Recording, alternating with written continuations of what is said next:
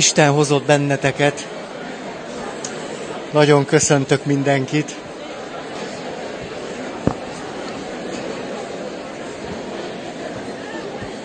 Ó. Van egy jó kis hőmérséklet már. Elég, elég komoly. Szag is van. Szag is van. Hát a kettő azt hiszem együtt jár. Igen. A pingvinek jutnak erről eszembe. Tudjátok, a pingvinek ott messze a hidegben, mikor összekapaszkodnak, összeállnak jó melegbe, miközben kint tombolnak a mínusz sokak, megmérték a tudósok, hogy hány fok van bent. Képzeljétek el, 18 fok a maghőmérséklet ott a pingvin csapatnál. Ezért van az, hogy aki benne áll, az sok mínuszba se fázik. Milyen okosak. De hát itt ez rajtunk nem segít pingvinek összes bölcsessége is kevés ahhoz, hogy... Na, egy alkalom a szerelmes arhetípus. Síts úgy beszélünk róla. Na, na, miért is szólunk erről? Ugye beszéltünk már a királyról, a harcosról és a mágusról, és mindezt azért tesszük, mert egész évben, ami egy iskola évet jelent, azt jártuk körül, hogy milyenek a komplexusaink, és mit tesznek velünk a komplexusok. Próbáltunk arról beszélni, hogy mit tehetünk mi a komplexusainkkal, és hogy milyen fontos lenne az, hogy meg tudjunk erősödni, és hogy honnan találhatunk erőforrásra, ami az ént meg tudja erősíteni, adott esetben az énnek tud segíteni önmagát felülmúlni, az én segíti abban, hogy fejlődni tudjon, honnan nyerhetünk erőt idebentről, ami itt van, nem hogy karnyújtásnyira, hanem hát szív közelben, vagy fej közelben, vagy zsiger közelben. Ezek az arhetípusok, az ős minták, amit hordoz mindenki a saját lelkében. És így jutottunk el a királyhoz, a harcoshoz és a mágushoz, és aztán így jutottunk most el a negyedik, az utolsó ponthoz, ez pedig egy kihagyhatatlan férfi arhetípus, a szerelmes férfinek az ős mintája. És akkor nézzük a pontokat egymás után, és rögtön egy jó, hogy mondjam, belemenőssel szeretném kezdeni. Ez a pont így hangzik, hat pont van, de egyes pontoknak van tíz alpontja. Tehát ez most csak egy új stílus, de mondhatnánk azt is, hogy 30 pont, csak az durva lenne egy napra. Tehát hat pont. Első. A szerelmes az bennünk, a szerelmes az a valaki, aki átlépi a határokat és megszegi a szabályokat. A király az, aki azt mondja, itt a határ. A harcos, aki odáll, és azt mondja, hogy itt a testemen keresztül. A mágus, aki összeköti, hogy mi van a határon belül és kívül. A szerelmes meg körbenéz, és azt mondja, át a határon. A szerelmes arhetípusnak a lényegi vonása, hogy mm, ezt nehéz szavakba önteni, tehát, hogy mm, és átlépi a határokat, és megszegi a szabályokat. Na most, ez idáig még hangozhat jól, és hangozhat rosszul. Ha most a szerelmes arhetípus hallgatja ezt a mondatot, azt mondja, ez az, ez az. De végre valaki. Ó, és hogyha most azt is hozzáteszed, egy pap, hú, kicsit durva. De egyre izgalmasabb. Ó, hát, ha mond majd valami olyasmit, amire majd lehet hivatkozni. Ó, ez jó lesz. Érdemes volt eljönni. Sajnos ennek a kijelentésnek van egy nagyon kemény, kemény, kemény vonzata. Ez pedig így hangzik, egy valódi szerelmes, ha az arhetípusnak is a teljességét és a mélységét vesszük, ő az, aki átlépi a határokat, megszegi a szabályokat, vessző. Ne ábrándozzunk egy kis pontocskáról, és utána aztán ide kerekítünk egy életet. Na-na. Tehát vessző, és megfizeti az árát.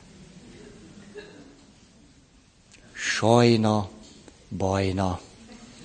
Tehát átlépi a határokat, és megfizeti az árát.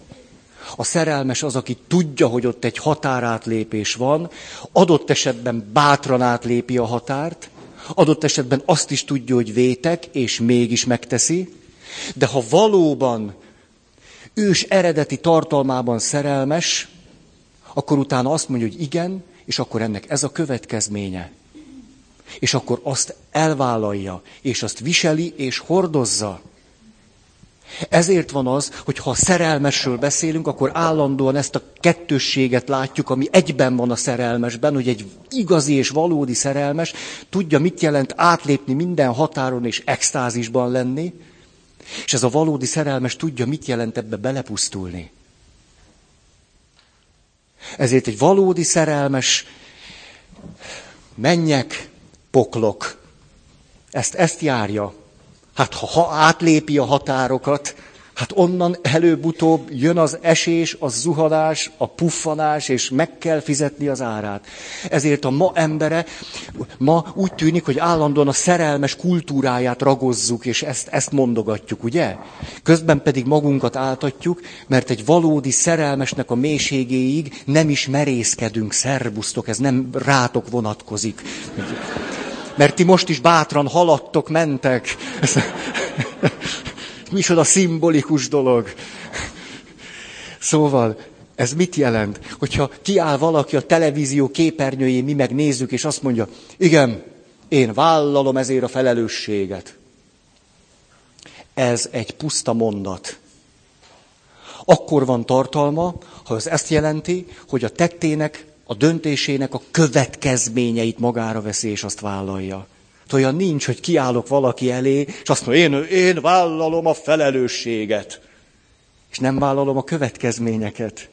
Tehát legtöbb ember ma úgy mondja ki, ha egyáltalán kimond egy ilyen mondatot, hogy én vállalom a felelősséget, hogy azt se tudja, milyen következményei vannak.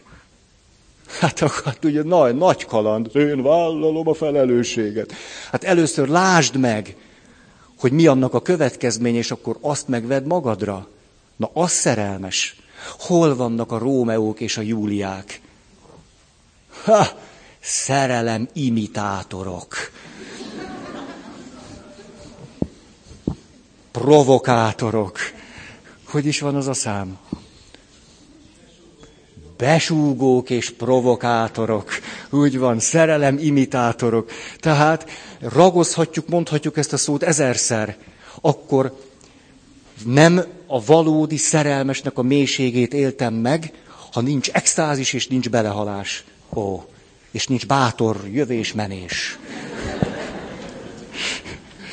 Na, egy papnak nagyon nagy kihívás, hogy megtalálja legitim módjait annak, hogy hogyan kell határokat átlépni. Na, ez nagyon komoly dolog. Ah, mennyit töprengtem, én rájöttem, hogy határát lépés nélkül a bennem lévő szerelmes nem, nem nincs meg. És hát nem tudok mindig annak a leg... Ö, ö, hogy mondják? Nem fölkentebb, hanem fennköltebb módjával megbírkózni, vagy arról is lesz szó, mi a, a fölkent módja, és nem csak a fenkölt módja. Ugye, hát akkor például az egyik kedvenc időtöltésem az, hogy vannak az országban gyönyörű természeti területek, amelyekre tilos belépni.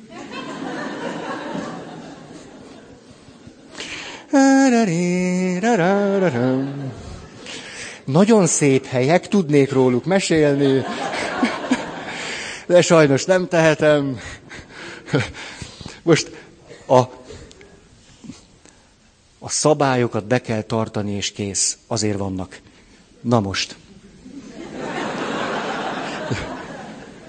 Ilyenkor, ilyenkor szoktak egy kis kupacot gyűjteni a megkövezésemhez. Szóval, itt van például a kressz. Van olyan, hogy olyan forgalmi helyzetben vagyok, hogy most vagy 10 percet csúszik a mise,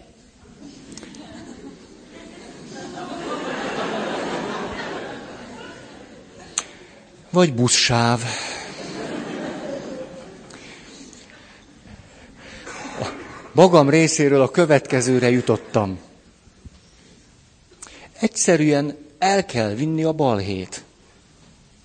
Múltkor megyek a buszsávban. Nem arról az, hogy mindig, tehát nem ott közlekedem, de mentem.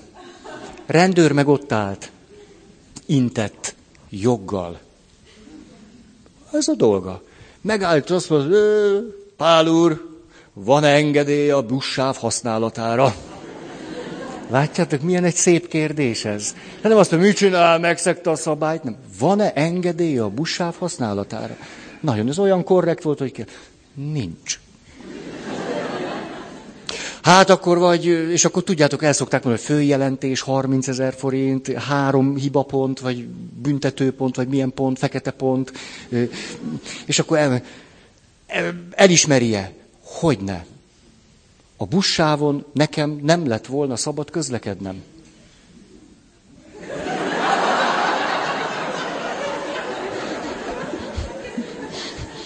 Én még rendőr arcán ilyet nem láttam. Elvitte az irataimat, beült a rendőrautóba, különte bolonddal nem akar közel lenni. Hát mit védjem magam? Hát busávon tilos közlekedni. Ott voltam, megállított, kész. Nagyon egyszerű helyzet. Kész. Elmondta, hogy hat hibapont, tudjátok, szóval ezek, ezek. És akkor végül mi történt? Adott egy csekket. Tízezer forint. Minimális büntetés. Haladjon tovább. most szó sincs arról, hogy én a buszsávon való közlekedést propagáltam, csak mondtam egy példát. Arra, hogy ha már, akkor el kell vinni a balhét. Nem kell, én legalább, én nem állok neki magyarázkodni. Hát mit, mit magyarázzak? Pontosan tudtam, hogy nem lehet közlekedni. Ott mentem, ennyi. Hogy szokták mondani? Kampó, kabát.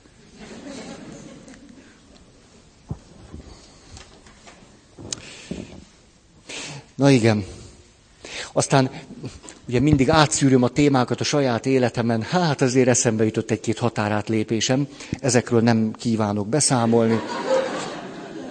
Ha, minden esetre hát milyen nagy dolog az, hogyha azért visszatudtok egy-két jó ízű ilyesmire emlékezni. Egy-két jó ízűre. Hát e, mikor életem második nagy szerelme, és akkor bolyongtunk éjszaka, nyári éjszaka, ó, valami ilyesmi. Ú, érezni a kipárolgó gatyán keresztül az izzadság szagát. Ahogy keveredik a bodza illatával. Nincs annál szebb. És na, hogy így, nyár, nyár, nyár. És akkor, hát 19 éves vagyok. És mentünk, hát szép Buda, tudom, ott van egy követség valamilyen, valami országnak a követsége, és hát ez elég régen volt, és azt találtam mondani, hogy mi lenne, átmásznánk a kerítésen, úszómedence, és egy kis csobbanás. És képzeljétek el, simán átmásztunk a követség, csobbanás, úszómedence. Én szerintem láttak minket. És azt mondod, hogy ennyire hülyék, tehát, hogy hogy hát, hát most miért ne? Miért ne? És aztán el, vissza a kerítésen, és akkor haza, hát életre szóló élmény. Aztán volt, hogy 15 évvel ezelőtt eszembe jutott, azt mondom, megnézem ezt az úszómedencét. Ez volt, és lebontották, képzeljétek el, teljesen már, most már nem is tudom, hol van. De hát, vagy mikor általános iskolások voltunk, akkor elmentünk, hát tudatosan határokat átlépni hetedik, nyolcadikos korunkban. Például ugye ott a rakparton megy a villamos, és bemegy az aluljáróba, hát egy ilyen valami. Na, ki az, aki elég bátor, hogy végig megy rajta? Úgy, és akkor jött a villamos. Az nagyon izgalmas, főleg, ha mind a két oldalról. Meg, ki, na, nem is folytatom, mert itt, hát nem rosszra akarlak rávenni titeket, csak azt mondom, hogy voltam fiatal. Azért erre jó visszaemlékezni. Szóval határátlépés és vállalni a következményeket. ha a személyiségfejlődést nézzük, micsoda óriási szükségünk van arra, hogy a szüleink határokat szabjanak, mi pedig betartsuk őket, és néha ne. Ez pont erre a kettőre van szükségünk, és aztán arra, hogy a határ átlépésnek legyen következménye. Legyen. És közben pedig biztosak lehessünk abban, hogy a szüleink tovább fognak minket szeretni. Erre van szükségünk, hogy át lehessen lépni határokat, hogy a, annak legyen következménye, és hogy az sosem erüljön föl, hogy a szüleink nem szeretnek majd minket. Így körülbelül, ha nagyon egyszerűen ez a néhány elem hozza létre ezt a rendszert, akkor rendben vagyunk. Ha bármelyik nincs, ajjajjaj. Ha egy gyerek mindent megtehet, és nincsenek határok, rettenetes. Na jó. A, tehát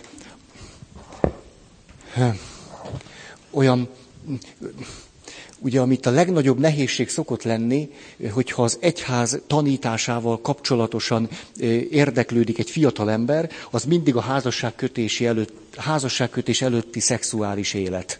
Ez mindig. Következő alkalommal lehet ugye kérdéseket föltenni, most lehet megírni őket, és itt lehet majd hagyni névtelenül. Ezt már ne kérdezzétek meg, jó? A, tehát ugye ez a házasság kötés előtti teljes szerelmi egyesülés ez. És hogy tudjátok, olyan érdekes, hogy öregszem, kezdek másképpen viszonyulni ahhoz a valakihez, aki ezt kérdezi.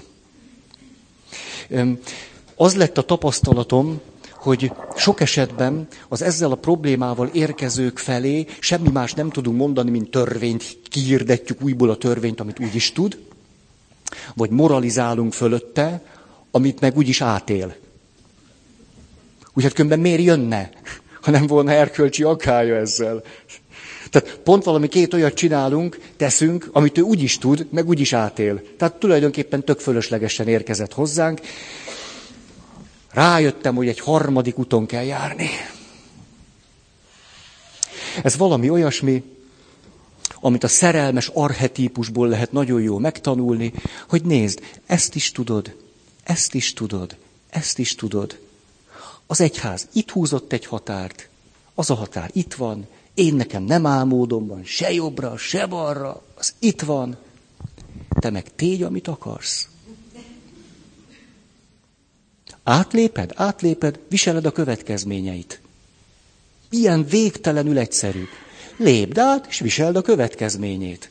És itt van igazából a nagy feneség hogy a szerelmesre hivatkozva átlépjük a határokat, tök mindegy, most az egyház mondott, vagy nem mondott, vagy értitek, most nem erről van szó, hogy most itt ezen molyolunk.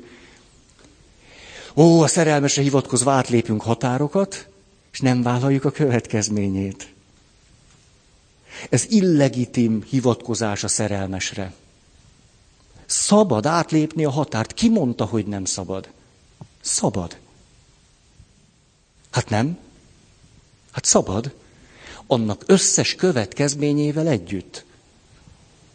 Hát akkor vagyok szabad, ha annak az összes következményét vállalom és viselem. Attól, hogy van egy tilalom, attól még a szabad. Hát az egyház nem diktatúra, akkor nem is volna szabad. De szabad. Ezért túl sokat mondtam, hogy szabad.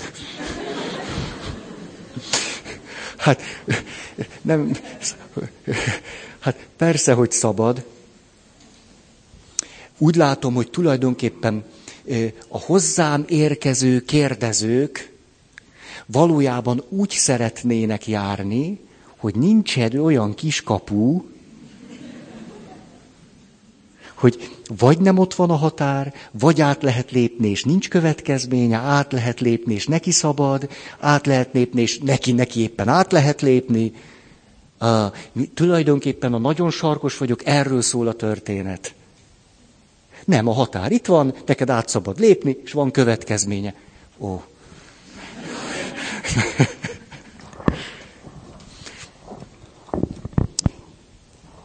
hm. A szerelmes jelképe a kert és a csók. A Szentírás is azzal a kerttel veszi kezdetét, azzal a bizonyos kerttel. Ó, a gyönyörök kertje. Hmm, a paradicsom kert. Hát nem véletlenül. És akkor a kerthez mindenképpen társul valami, amit a Szentírót nagyon frappánsan megragad, ez pedig az, hogy ha a szerelmes ott van a kertek kertjében, akkor ott nincs szégyen. A szerelmes az, aki nem szégyenkezik.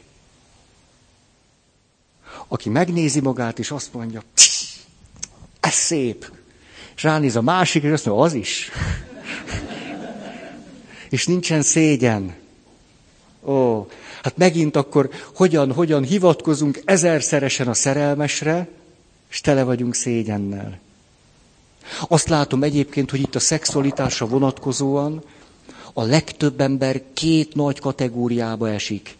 Az egyik, hogy gátlásos, a másik, hogy gátlástalan. És hol van a szerelmes? Tehát hol van az, aki nem szégyenből, de nem is gátlástalanságból. Attól, hogy valaki gátlásos, még az, az, az önmagában nem egy nagy erény. És attól, hogy gátlástalan nem lesz szabad. Tehát attól, hogy gátlásos nem erkölcsös, attól, hogy gátlástalan nem szabad. Ez lenne a nagy dolog, hogy elég szabadon, szégyen nélkül. Na de azért az elég komoly emberi teljesítmény. Ó, én persze ez megint úgy hangzott, az a baj, hogy egy arhetípus az olyan, amilyen, ezért valahogy a stílusomban is van egy ilyen, nézhettek akár, hogy az akkor is úgy van, jelleg, de hát persze, majd kicsit lehiggadok, tehát persze, hogy emögött rengeteg fájdalom, sebzettség, élettörténet, minden van. Ó, tehát lehet, hogy, hogy sokkal óvatosabban kellene ezt mondanom. Tehát sok-sok-sok gátlás abból fakadó, ott a szerelmes nem tud kibontakozni a gátlások miatt, a szégyenkezés miatt. A másik esetben se tud kibontakozni. Attól, hogy gátlástalan, attól a szerelmes ott hogy tudna kibontakozni. Ezt mindjárt mondom egy másféleképpen is. Hát megint csak a, a szerelmessel kapcsolatos önámításunk, illúziónknak az egyik része az az, hogy beszélünk az extázisról, szexualitásban. Ah! Na, mi nem ilyen? Hát ennél sokkal jobb. A, hogy beszélünk erről, és nem is adjuk oda magunkat. Hát nincs is önátadás. Hát még ott, ott, ott, ott a kellős közepén is én, én, én, én, ez van. Hát ez hol, hol van abban az önátadás? Hát úgy akarunk extázisra jutni, hogy nem adjuk át, nem adjuk oda magunkat. Hát ha, ha én élvezetem, én, én, hát hol van abban az önátadás? Hát éppen sehol. Hát ez attól extázis. Ex. Stáre.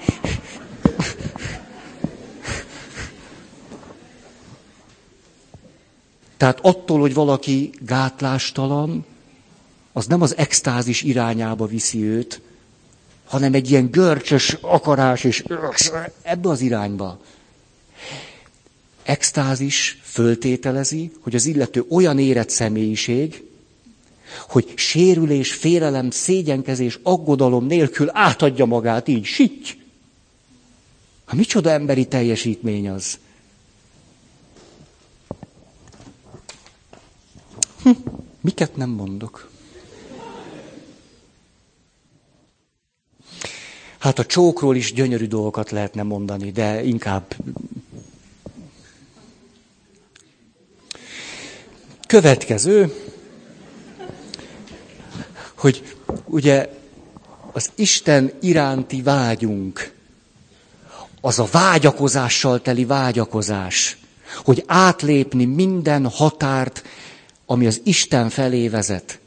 Hát ha a szerelmest megnyomorítottuk magunkban, honnan jön ennek az ereje? Honnan jön akkor ennek a vágya? Honnan jön minden, ami ahhoz kell, hogy a király azt mondja, haladj az Isten felé. Harcos azt mondja, majd én segítek. A mágus azt mondja, mutatom az utat. És honnan van hozzá erő, kedv, motiváció, lendület, ihletettség, ha a szerelmes meg belénk száradt. Hát olyan kedves, 50 fölött van egy kedves nővér ismerősöm. Egy kedves apáca. Kedves nővér. És akkor egyszer csak elkezd nekem beszélni, hogy tudod, Feri, hát azért az, az Isten, Istenbe szerelmesnek lenni, azért az valami. Azt tudod, azért hát szóval azt mondja, figyelj Feri, hát a szerzetesség lényege, hogy ápoljuk az Isten iránti szerelmet. És akkor azt mondta, na jó, jó, hát Isten, Isten, ez egy ilyen ö, Jézus. Na itt, ho-ho, ho-ho, itt kezdünk a földre, földre állni. Ó, a szerzetesség lényege, mondta ez az 50 éves, egy nagyon igazán ott van a toppon. Azt mondja, az Isten iránti szerelem, ez a szerzetesség lényege. Ha a szerelmet kiöljük magunkból, akkor lehet, hogy van rajtunk mindenféle apáca cucc, és az egész pff, akasztó, már hogy ilyen válfa. Ugye? Női válfa. Ezt azért, mert ha, mert ha valaki igazán minden határt át akar lépni, akkor szerelmes lesz az Istenbe. És hogyha a legnagyobb erőt akarja, amivel át lehet és oda, egészen oda, akkor meg a szerelmes arhetípusra nagyon nagy szüksége van. Ó, nagyon. Ezért nagyon nehéz az egyházunkban, ugye mindig mondom ezek, ezt az oldalát is, hogy hát persze, hogy nem, hogy óvatosak vagyunk a szerelmessel, hanem hát kifejezetten milyenek. Nem találom a jó szót. Hát minimum gyanakodóak, mondjuk így. Ó. Ezért aztán a szerelmest állandóan az a veszély fenyegeti, hogy kiég.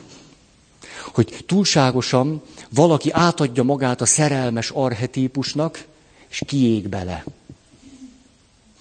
Ez egyáltalán nem kis veszély. Majd még a, a nehézségekről többet. Kettes pont. A szerelmesnek van ideje önmagára, meg akarja mutatni önmagát, és ezért szabad viszonyban van saját magával. Szabad neki lennie, szabad neki olyannak lennie éppen amilyen. Ezért ő tudja, hogy mi a gyönyör, és tudja, mi a gyönyörű. Ez olyan szép, ugye? Tudja, mi a gyönyör, és tudja, mi a gyönyörű. A szerelmes nélkül az élet semmi másból nem, szó, nem állna, mint kötelességből, szabályok, törvény megtartás, megyünk az úton.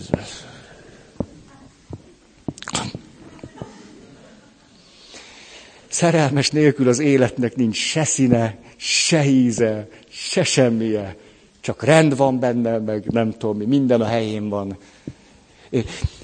Egy kedves ismerősöm meghívott lakásszentelésre. Beléptem a lakásba, és olyan mértékben volt minden a helyén, egészen elviselhetetlen volt számomra. De egészen, egészen pontosan olyan volt, mint egy IKEA kiállító teremnek egy részlete. Csak a tévé igazi volt, és nem ilyen izé lap. Hol, hol, hol, van, hol van, hogy mondjam, a, a, az életnek egy, egy elejtett morzsája. Morzsa az sehol. Porsche. Egy kis porcica. Az ember, hogy körbenéz, és azt nézi, hol van itt valami érdekes. Veletek nem így van? Hát látok egy ilyen izét, minden úgy van, mint a, nem tudom én, a lakáskultúrából lenne ki. Hát hol én azt nézem, hogy valahol van itt valami, ami, ami megakadhatna a szemem. Nem így vagytok? Ugye így vagyunk. Na. Na, e, második János Pál pápa beszél arról, egy nagyon szép gondolata van, két mondat erről. Azt mondja, hogy az etika és az erotika egymásnak jó barátai. Mert hogy az erotika végső célját a valódi szépnek az élvezetében, annak a gyönyörében találja meg. Egy teljes szépségnek az átélésében, gyönyörében találja meg. Szóval ehhez azonban, hogy az a szépség, a teljes szépségnek az átélése lehessen, ahhoz etikára van szükség. Hát útra, keretekre, föltételekre. Hogy az ne csak a szépnek valami töredékes átélését tegye lehetővé, hanem a teljeset. Hát, hogy, hogy képzel, de most ja, itt makogok meg minden, hogy hogy képzelhető valódi, szexuális, mélységes, mély öröm, hogyha abban az a két ember, aki éppen találkozik, hogy éppen csak a testük teszi azt, és semmi más az életükben nem teszi azt, amit a testük tesz. Már most az önátadásra gondolok, arról, hogy nem, hogy teljes elfogadás, hogy nincsen szégyenkezés, hogy nincsen benne félelem, hogy tart a másik, enger, em, másik ember engem és a többi. Hát ha ez nincs benne, akkor, hát akkor miről beszéltünk? Ez csak, na jó. Hm. Tehát a, Hát itt az igazi gyönyörről van akkor szó. Hát nem attól gyönyörű, hogy az a másik szeret is közbe mellesleg. Hát attól gyönyörű éppen. Ugye így van? Tegye fel a kezét, aki azt mondja, hogy így van. Nem, nem, nem kell, nem kell, hülyéskedek. Nem, nem. De, de hát ilyet nem csinálhatok veletek. Hát. Na, csak úgy jó volt visszaemlékezni. Szóval, a férfiak nagy félelme, hogy a gyönyörben elveszti magát. Kisebb-nagyobb mértékben a férfiak tudnak nagyon óvakodni és félni az efféle önátadástól. Ugye itt beszéltünk nagyon sokat tavaly, vagy tavaly előtt, hogy az az intimitásnak, a meghittségnek föltétele a kockáztatás. Mert a meghittségben, ahogy átadom magam, és mesztelen vagyok, abban kockáztatom mindig azt a valakit, aki éppen ebben a pillanatban vagyok. Mindig kockázat. Olyan nincs, hogy valaki akarja a meghittséget, de nem akar kockáztatni. Az lehetetlen. Hogy valaki biztonságban akar lenni, és óhajtja a meghittséget. Olyan sincs. Olyan lehet, hogy egy kapcsolatnak van biztonságos alapja, aminek mondjuk része az elkötelezettség. Akkor annak a kapcsolatnak van biztonságos alapja. De a biztonságos alapon aztán, hát a kockáztatást nem lehet megúszni. Mert a meghittségben éppen a szívemet kitárom.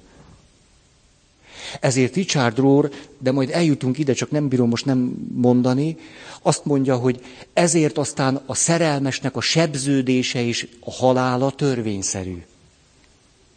Hát nem lehet megúszni. A szerelmességet nem lehet megúszni. És ezért, mintha a ma embere úgy akarna szerelmes lenni, hogy magát a szerelmességet is meg akarja úszni. Tehát azt, amivel az, az úgy, ahogy van, jár. Na és akkor. Akit teljesen a szerelmes a hatása alá vont, az tönkre megy és belepusztul. Tehát a szerelmes arhetípus hihetetlenül erős. Ha ott nincs király, nincs harcos, és nincs mágus, az illető el van veszve. Ilyen egyszerűen. Azt lehet mondani, hogy aki, aki fölött a szerelmes átvette az uralmat, az illetőnek megvan pecsételve az élete, bele fog halni. Általában hamarabb, mint később. Ha viszont, nézzük a másik oldalt, ha viszont csak király van, harcos meg mágus, ez a három a szerelmes nélkül csak a halált tudja képviselni. Nincs benne élet. Tehát a szerelmes, ha csak ő van, belepusztul. A király, a mágus és a harcos, ha csak hárman vannak, ők is belepusztulnak. Ezért kell a szerelmes. A szerelmesnek meg kell, nem csak a harcos kell, nem csak a mágus kell, a király is kell neki. A szerelmes az a valaki, aki olyan erőt él át, hogy neki mind a háromra szüksége van. Hú, hát ettől olyan nagy művészet. Ezért én ezt, ezzel nem is próbálkozom. Én, én nem, már a nehezét hagyom nektek. Én, én papként. Hármas pont. Nézem az időt, hogy állunk. Van még fél óra, és egyre jobban izzadok. A szerelmes átéri az elragadtatottságot és a lelkesültséget. Hogy elragadtatott és lelkesült egy fiatal embernek, mondjuk papnövendék, ha, én papnevelő lennék, vagy papnövendék növelő, vagy nem tudom, akkor, akkor biztos nagyon élvezném, hogy vannak ott olyan papnövendékek, akik lelkesednek minden marhaságért az egészen normális. Tehát 18 meg 23 évesen hát el kell ragadtatni mindenféle eszmények által, és lelkesültnek kell lenni, és emiatt egy kicsit vaknak, és zizinek, és kell, kell egy kicsit ilyen bolondnak tűnni. Az, az nagyon normális, életkorhoz hozzá tartozik. Hát ha egy, ezt minden évben elmondom, olyan szomorú, hogy azt mindenképp el kell, hogy mondjam, hogy legyünk egy, legyen egy szép esténk. A egy, egy, egy öreg egyetemi tanár, aki a diák lázadást átélte 68-ban, azt mondja, rettenetesek a mai fiatalok. Rettenetesek. Hát ezek az egyetemen meg akarnak nekem felelni. Rettenetes ez a korosztály. Ezek se nem lázadnak, se nem lelkesülnek, se nem tiltakoznak. Ezek meg akarnak felelni. 22 évesen. Hát mi lesz így a világból? Mondta az öreg egyetemi tanár 60 fölött. Tehát tud lelkesülni, csodálkozni, tud szenvedélyesen tenni valamit. Ó, olyan, egy érdekes jelenetben voltam benne, a Ferenciek terén volt most könyvhét, tudjátok, és én is ott ültem. Mellettem ült a püspök atya. Balra mellettem más komoly és fontos emberek. Tehát én voltam csak ilyen. És, és hogy ott ülünk, ugye mindenki teszi a dolgát, nagyon, ahogy kell. És jött egy ismerősöm, akivel szoktam csoportokat vezetni, és ő nem vett észre engem, de én hihetetlen megörültem neki, és elkezdtem kiabálni onnan ültőhelyemből, mondtam neki, hogy Panni, Panni, gyere, adok neked két puszit.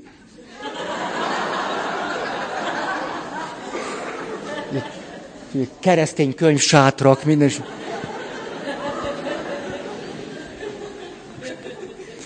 Püspök atya elmosolyodott, Hát, és akkor, de úgy, úgy ére, szóval lehetett érzékelni, hogy ez egy ilyen érdekes pillanatot. Tehát ilyen komoly emberek, misztérium, dogmatika.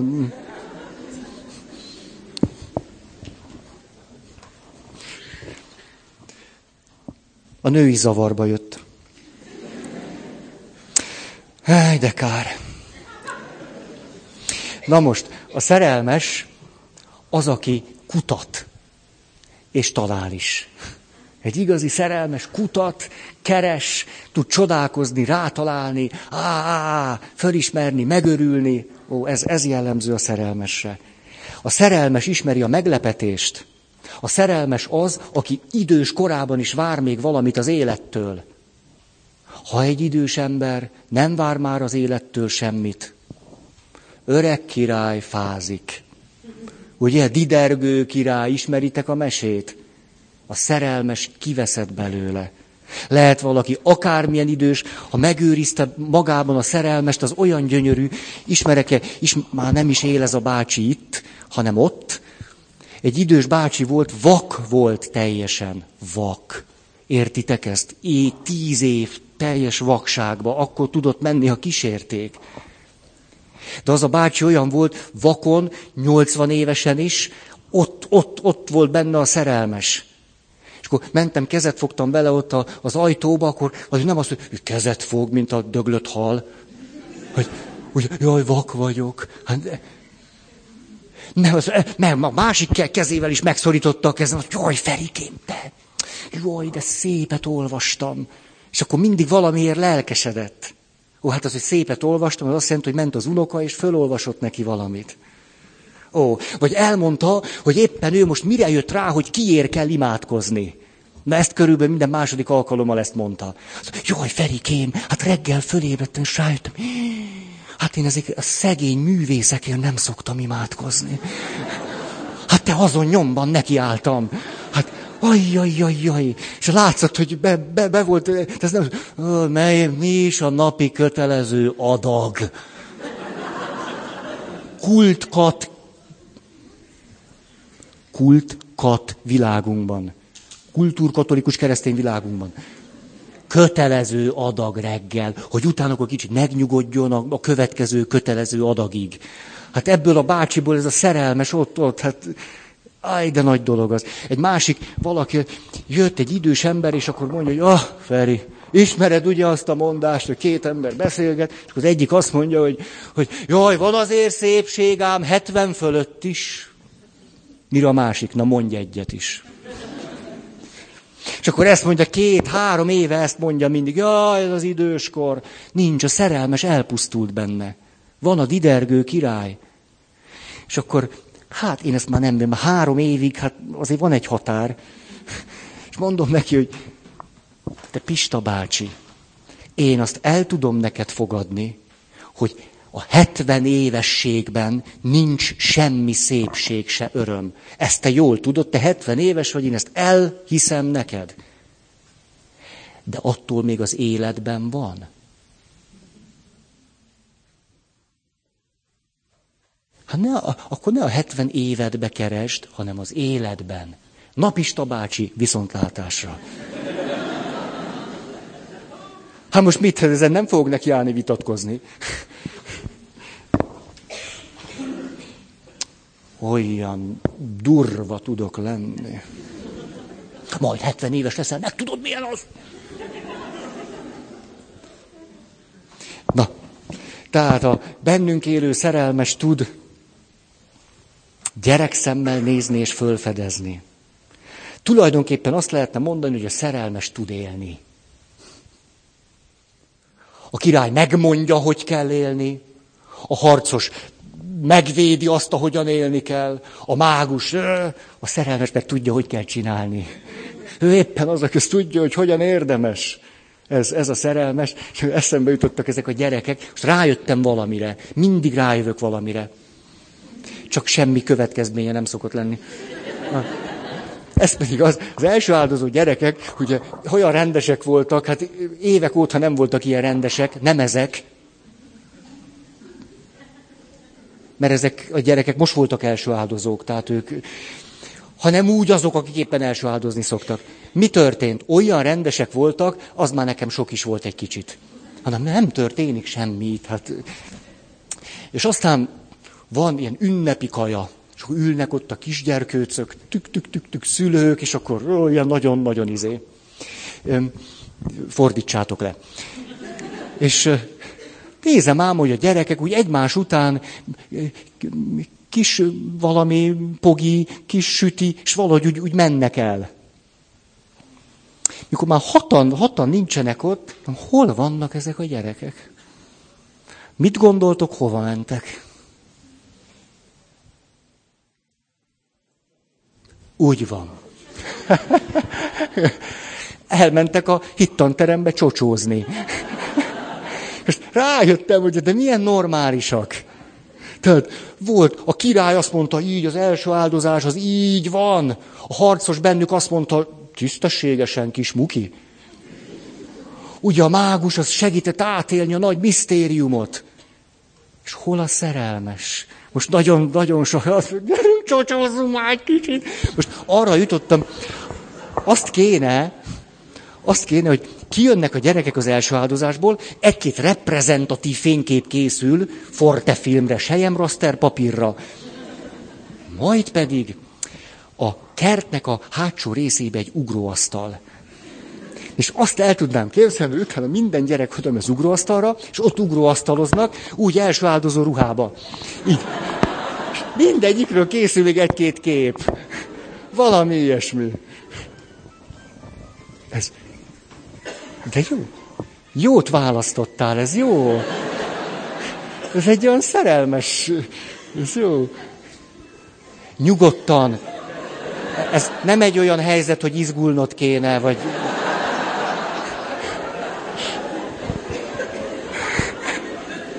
Nem működik. Mi tovább tudunk attól még menni, hogy ez, ez történik. Na. Van, akinél a sorszimfónia van. Hát, hát ezt mennyivel jobb volt hallgatni. Jó, ne, negyedik pont, hú, hú, mert még azért akarok valamit mondani, nem csak beszélni, hogy a szerelmes az, aki vállalja a kockázatát annak, hogy miután lelkesedik, miután beleadja magát, miután, miután, miután függővé váljon. Hát tulajdonképpen minden olyasmi, amihez közel engedem magam, és megízlelem, és megszagolom, és megsimogatom, már is alkalmas arra, mert hogy érzéseket, érzelmeket, állapotokat hoz bennem létre, hogy függővé váljak tőle. A szerelmes vállalja a kockázatát annak, hogy függjön valamitől vagy valakitől. Nem hinném, hogy az intimitást meg lehet tanulni anélkül, hogy a függéseinkből ne tanulnánk. Hát azokon keresztül jövünk rá, hogy na ez nem intimitás volt, ez függés. Ez kapaszkodás, nem intimitás, ez távolságtartás, nem intimitás, ez nem szabadság, hanem, hanem nem. És akkor szép lassan rájövünk, és tehát a szerelmes éppen azzal, ami vállalja, hogy függő helyzetbe kerüljön. Ez most nem a függő helyzet dicsérete, hanem csak kifejezzük azt, hogy igen, valaki minél inkább átadja magát a szerelmesnek, ez a kockázat annál erőteljesebbé válik. Ezért van az, hogy ma nagyon sok függésben élő szerelmessel találkozunk. Ugye ez azt jelenti, hogy megízlelt valamit, rácsodálkozott valamire, de valami neki nagyon bejött, és mindig abban akar lenni. Ezért valójában a szerelmes arhetípus nem teljesíti be, hanem annak a sötét oldalán áll. Mert ugyanis, ha valaki tudja azt, hogy a szerelmes ismeri az extázist és a halált, akkor ez azt jelenti, hogy vasárnap megiszik két pohár vörösbort, és utána abba hagyja. Ez a szerelmes tudja élvezni az ízét, minden kortyát annak a vörösbornak, és nem is csak egyet iszik, kettőt. De abba tudja hadni, ez a halál. Hát minden, amit ízlel, amit élvez, azt abba tud hagyni. Ezért van az, hogy élvezi, és lemond róla. Élvezi, és abba hagyja. Élvezi, és lemond róla. Így tud megmaradni, és így tud növekedni, mint szerelmes. A függő, a szenvedélybetegség, a függésben élő embernek az a problémája, hogy mindig csak élvezni akarja, és nem akarja lerakni. Mindig csak élvezni, és sose abba hagyni. Mindig extázisban lenni, és sose kijönni belőle. Ez a pusztuláshoz vezet. Ténylegesen a szószoros értelmében. Ebből bárki belepusztul. Egy valódi szerelmes tehát fönt és lent és fönt és lent. De a lentet nem úgy éli meg, mint valami katasztrófát, hanem mint a szerelemnek a lényegéhez hozzá tartozó állapotot. A szerelmes, amikor vágyakozik a szerelme után, de a szerelme éppen távol van, akkor a szerelmességnek a lényegét éli meg. Hát nem az a szerelmességnek a lényege, hogy, hogy mindig ott van, mindig, mindig, mindig, mindig. Hát nem, hát ez hogy? Hát úgy meg unjuk, mint a sic. Abban benne van a vágyakozás, beteljesedés, vágyakozás, beteljesedés, vágyakozás, vágyakozás, nem beteljesedés. Beteljesedés, vágyakozás, ez. Ettől szerelmes a szerelmes. Nem attól, hogy mindig... Attól szenvedélybeteg. Az a szerelmesnek tehát az árnyéka.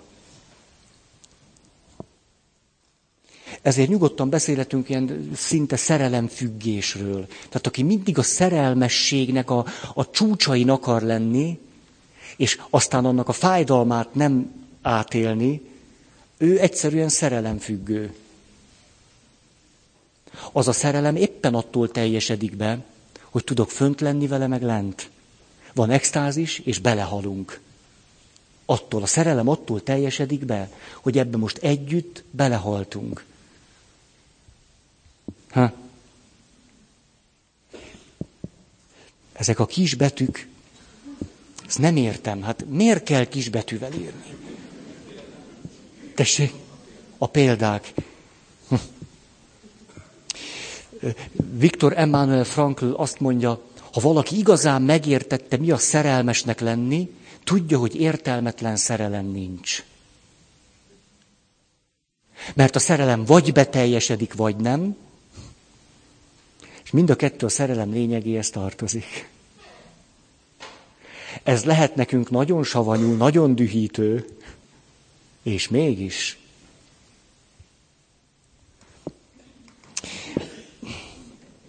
Ötös pont, a szerelmes tudja élvezni az életet.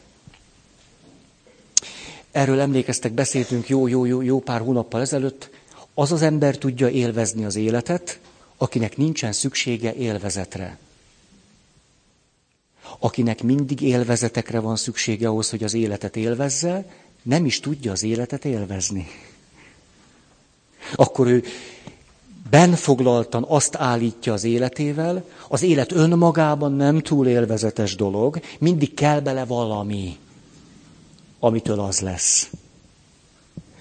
Ezért a szerelmesnek egy nagyon magas rendű megvalósulása az a valaki, aki a szemlélődésre képes, és közben tud gyönyörködni, és tudja, mit jelent gyönyörben lenni szemlélődés által. Az a szerelmességnek a teljességét nem éli meg, aki nem tud, nem birtokolva, hanem szemlélődve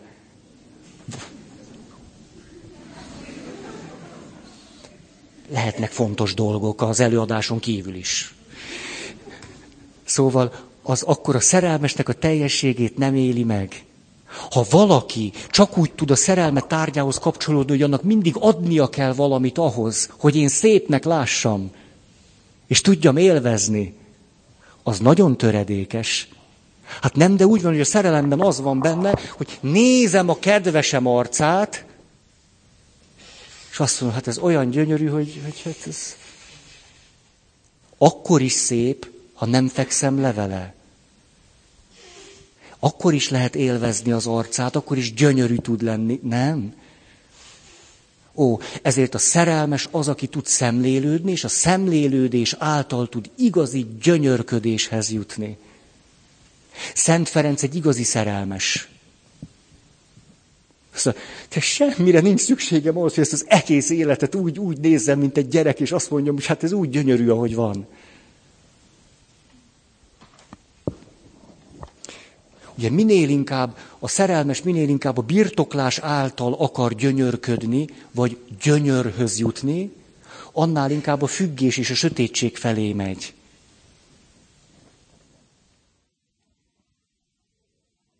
Igen. Ha valaki az élvezetet akarja, vállalja a fájdalmat is. Mert az élvezet és a fájdalom együtt járnak. Ha máshogy nem, hát úgy, hogy most nagyon élvezem, és mindjárt vége. Hát ha máshogy nem, akkor így. Minél nagyobb élvezet, annál nagyobb a vége.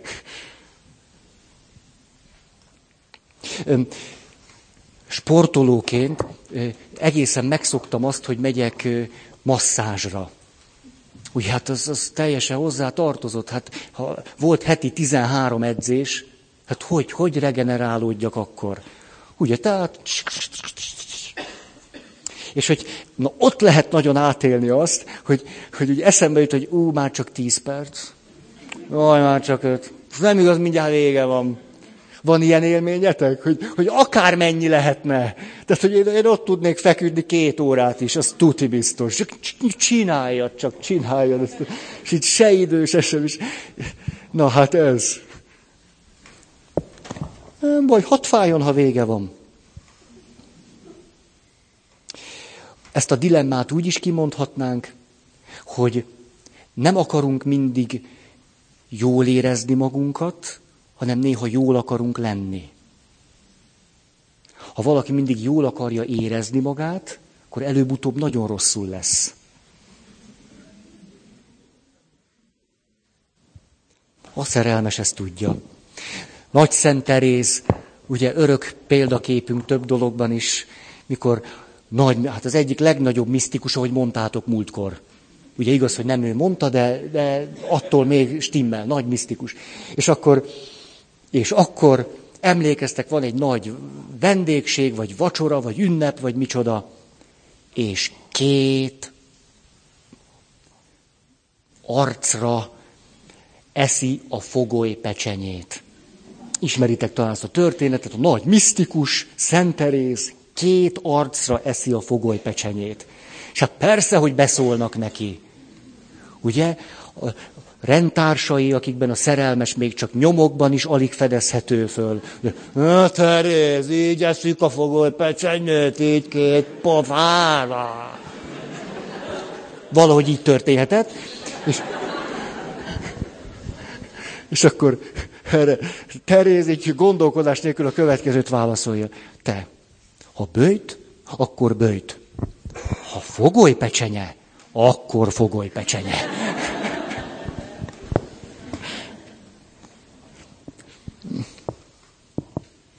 A, ezért egy valódi szerelmes, valódi szerelmes, aki annak a világos oldalán tud állni, képes arra, hogy elfogadja, hogy őt kényeztetik, és azt is, hogy ezt nem mindig csinálják vele. Ugye sokan vannak, hogy gyerekeket kérdeztem, hogy erről éppen vasárnap, mondjátok meg, hogy kell szeretni egy gyereket, egy felnőttet, meg egy idős embert. Nagyon jókat mondtak, a gyerekre az első válasz így hangzott, kényeztetni kell. Mondta egy hat éves kisfiú. És megállapodtunk benne, hogy nagyon igaz. Egy gyereket kényeztetni kell. Néha. De kell. De nem mindig. Ugye ma azt látjuk, hogy rettenetesen csalódott, kiábrándult, szerelmesekkel van tele a világ, akik hihetetlen fölháborodással veszik tudomásul, hogy az élet, a társuk a nem kényezteti őt eléggé. Ezt olyan panasszal tudjuk konstatálni, rettenetesen dühösek tudunk emiatt lenni. Ennek persze sok oka van, sok. Ha valakit kényeztettek megfelelően, azutána el tudja fogadni, hogy a férje és a felesége nem kényezteti mindig. De azt is el tudja fogadni, ha megkényezteti. Ha valaki felnőtt korában is azt akarja, hogy kényeztessék megint és megint, örök kisfiú. Férfitest, kisfiú. Ez azt jelenti, hogy a szerelmes ott igazán a mélyén tudja azt, hogy az élet mindig csalódást okoz. Hogy gyönyörű dolgok vannak benne, hogy hatalmas élvezetek is vannak benne, de hogy végül kevés. Ez bizonyos szempontból megint az Isten témához vezet bennünket. Ezt úgy lehetne mondani, hogy egy valódi szerelmes rájön arra, hogy tulajdonképpen magának nem elég, az biztos. És akkor elég okos rájön, hogy a másik se elég neki. Tehát, hogy se magamnak nem vagyok elég, se a másik nem elég nekem. Ezért egy, ha valakiben a szerelmes ott él, akkor úgy legkésőbb 35-40 éves kora után ezt kezdi megérteni. Mert már van annyi tapasztalata. Akkor már rájön, hogy most már 15 éve próbálom kisajtolni a feleségemből, hogy most már valószínű, hogy nem. De ezzel nincsen semmi probléma. Itt most jön egy kis halál, nem kell elválni, hanem arra kéne rácsodálkozni, hogy a bennem élő szerelmes oly mértékben akár minden, minden határt átlépni és eljutni az extázisra, ami csak az Istennel való kapcsolatban lehetséges. A ma emberének az egyik nagy-nagy-nagy fájdalma az, hogy embertől várjuk annak a beteljesedését, amit egy ember sosem tud bennünk beteljesíteni. Ez érvényes saját magunkra is, tehát az énünket próbáljuk telerakni mindennel, ami csak oda belefér, kevés, és a másikkal is szeretnénk magunkat beteljesítetni, és az is törvényszerűen bukásra van ítélve. Törvényszerűen.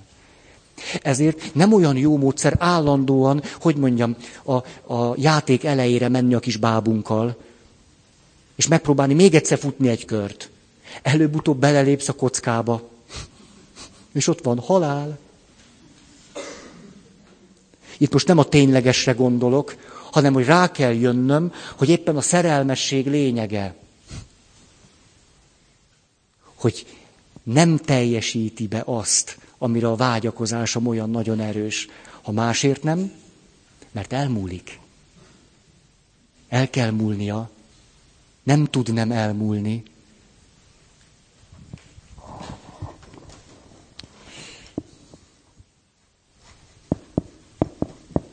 A... Ú, nézd, hű, jaj, jaj.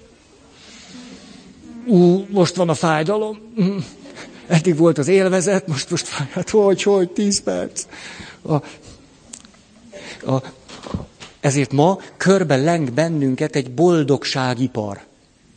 A boldogságipar elhiteti velünk, hogy akkor működök normálisan, ha mindig fönt vagyok. Ez valójában tudjátok, mit jelent? Ez semmilyen más módon nem vihető tovább, mint csak az élvezetek irányába. Tehát ha mélyen rájövök arra, hogy mi a boldogság természete, akkor tudom, hogy néha boldog vagyok, néha nem. Ezért a boldogságot még jobban megbecsülöm. És ez így teljesen rendjén is van. Ha elhiszem a boldogságiparnak, hogy akkor vagyok normális, az élet akkor adja meg nekem azt, amit meg kell adnia, ha én mindig boldog vagyok, ez egyenes út az élvezetek felé. Mert előbb-utóbb rájövünk, hogy az a másik az néha azt mondja, hogy nem, a, a másik egy ember, aki néha fáradt, vagy álmos, vagy nehéz napja van, vagy mit tudom én, mi van vele. Ezért jönnek az élvezetek, boldogságról beszélünk, az élvezetek után kapkodunk, és teljesen kiégünk bele. Legrosszabb esetben szenvedélybetegek leszünk, és függésben pengetjük a hétköznapjainkat. Fontos, hogy, hogy az alkalmaknak pozitív kicsengése legyen, ezért igyekszem ebbe az irányba menni. Aztán eszembe jutott ez a, a, a hírek, hogy milyen döbbenetes hírfüggésben vagyunk. Hírek, információk, bulvár, mm, érdekességek. Hát ez nekem, tudjátok, miről szól? Mondok én rögtön egy, egy ellenpontot. Leülök valakivel beszélgetni, és ő kezd befelé menni, és kezdi a belső dolgokat mondani. Refrénszerűen szoktuk én magam is ezt a mondatot mondani, hogy na és az nagyon érdekes, hogy... Hát ha valaki a szívének a mélye felé megy, előbb-utóbb azt mondja, hogy fú, de érdekes dolgokra találtam. Na ez az igazi hír. Ez az újság. Na ez. Azért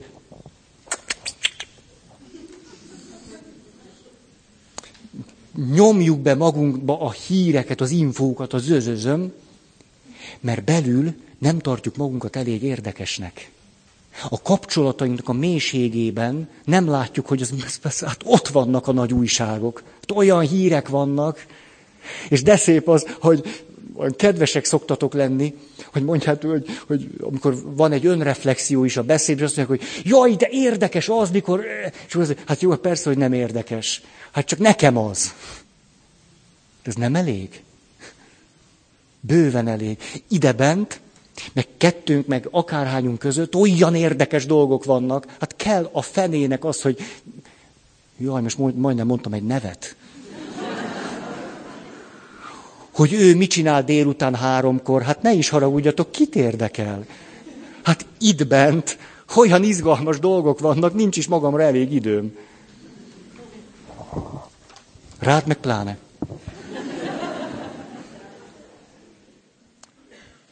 A, itt jön akkor a szerelmes felől nézve az Isten kapcsolatnak egy nagyon nagy sajátossága, hogy akik igazi misztikusok és igazi szerelmesek voltak Istenben, állandóan a lélek sötét éjszakájáról is beszélnek. Hát arról szó sincsen, hogy egy misztikus mindig csak arról beszélne, hogy a gyönyörök kertje. Mi azt mondja, Istenem, olyan sötétség borult rám, hogy ez a halálnál is éppen ötször rosszabb. Ezért óvatosan akarjatok misztikusok lenni. Ki mondta, hogy a misztikusságot olcsón mérik? Az komoly ára van. Nagy világosság, nagy sötétség. Ezért az Istentől azt elvárni, hogy ő mindig, mindig lenyűgöz, betölt, átjár, átszellemít. Hát tudjátok, hát ez gyermeteg, egészen gyermeteg. A, nem bántó akarok ezzel lenni, de gyermeteg. És nagyon az. Hát, ezért, ugye, hát hogy, hogy van a szerelemmel? Hát a szerelemmel nem úgy van, hogy szerelmes lettem valakibe, most mondok egy ilyen nagyon egyszerű dolgot. Megkértem a kezét néhány év múlva, megházasodtam vele, és éltünk. Azt nem olyan boldogan. Boldogan, boldogtalanul. Ha? Normális. Hát úgy, az, úgy, úgy mérte az élet. És most akkor ez azt jelenti, hogy annak a szerelemnek a, a tapasztalatát valaki egy életen keresztül kincsnek tudja tartani. Szóval, hát mi, emlékszel? A mi szerelmünkre, a mi szerelmünk. Az most a mi szerelmünk, most vagyunk 50 éve házasok. A mi szerelmünk hova jutott? Hát ez, ez a gyönyörűség. Az Isten kapcsolat miért lenne másmilyen? E, ezért nem arról van szó, hogy, hogy, hogy kevés a szerelem, hanem az a baj, hogy nem becsüljük meg. Hogy nem teszed rá az életed. Ez a baj. Hanem mindig újból és újból és újból és újból és megint szerelmes akarsz lenni. Ez, ez nagyon, nagyon problémás dolog. Hát a szerelem akkor tud beteljesedni, ha rátetted az életed. Azt mondod, én beléd olyan szerelmes voltam, én átéltem, te vagy az. Na és akkor szépen be lehet teljesíteni, van rá 60 év. Én ezt nem viccből, ezt legkomolyabban. Hát a, az Isten kapcsolatban gondoljátok, hogy, hogy, hogy reggel fölkelek, és akkor, hogy az ott, ott mindig egy élvezet hogy papnak lenni, hogy az Isten kapcsolat az nekem mindig egy, hogy lenne már az? Hát volt egy öreg lelkivezető, azt, azt mondta, kérdeztem, te mondd meg nekem, hogy van neked olyan, hogy este, mikor még azért úgy ima, meg minden, hogy, hogy, te, hogy rám mosolyog, és azt mondja, tudod, mit szoktam ilyenkor mondani? Istenem, Istenem, döglik a te szolgád ez, ez. Hát hogy, hogy van már mindig élvezet? Tehát arról szó sincsen, hogy ez mindig ez. Nem, hanem arról van szó, hogy arra a szerelemre rátettem az életem. Nektek semmivel se volt kevesebb, kisebb értékű, gyöngébb, nevetségesebb ö, Isten élményetek, mint nekem. Nem volt, nektek is volt. Csak eleresztettétek. Hát csípjétek vissza. A tiétek el ne.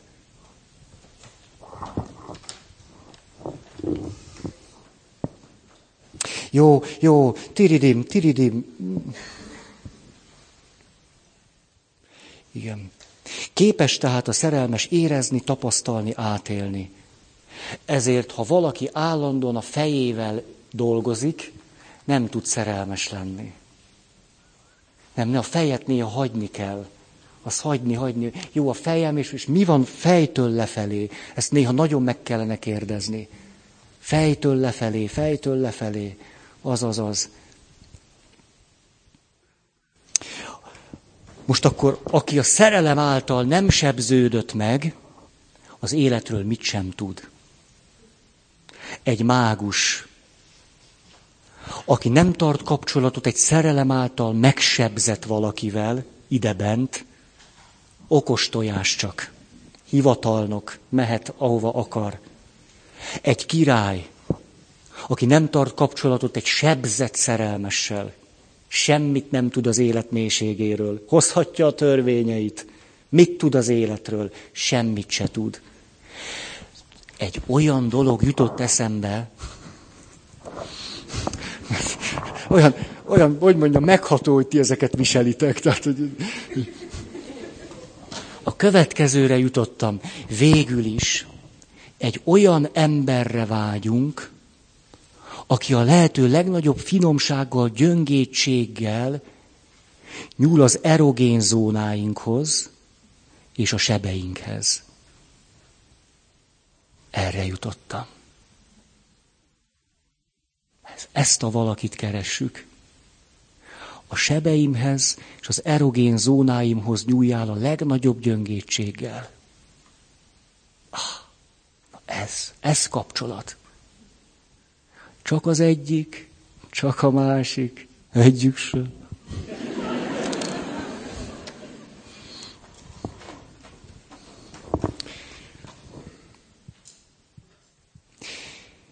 Hát mennyi? Nagyon köszönöm a figyelmeteket.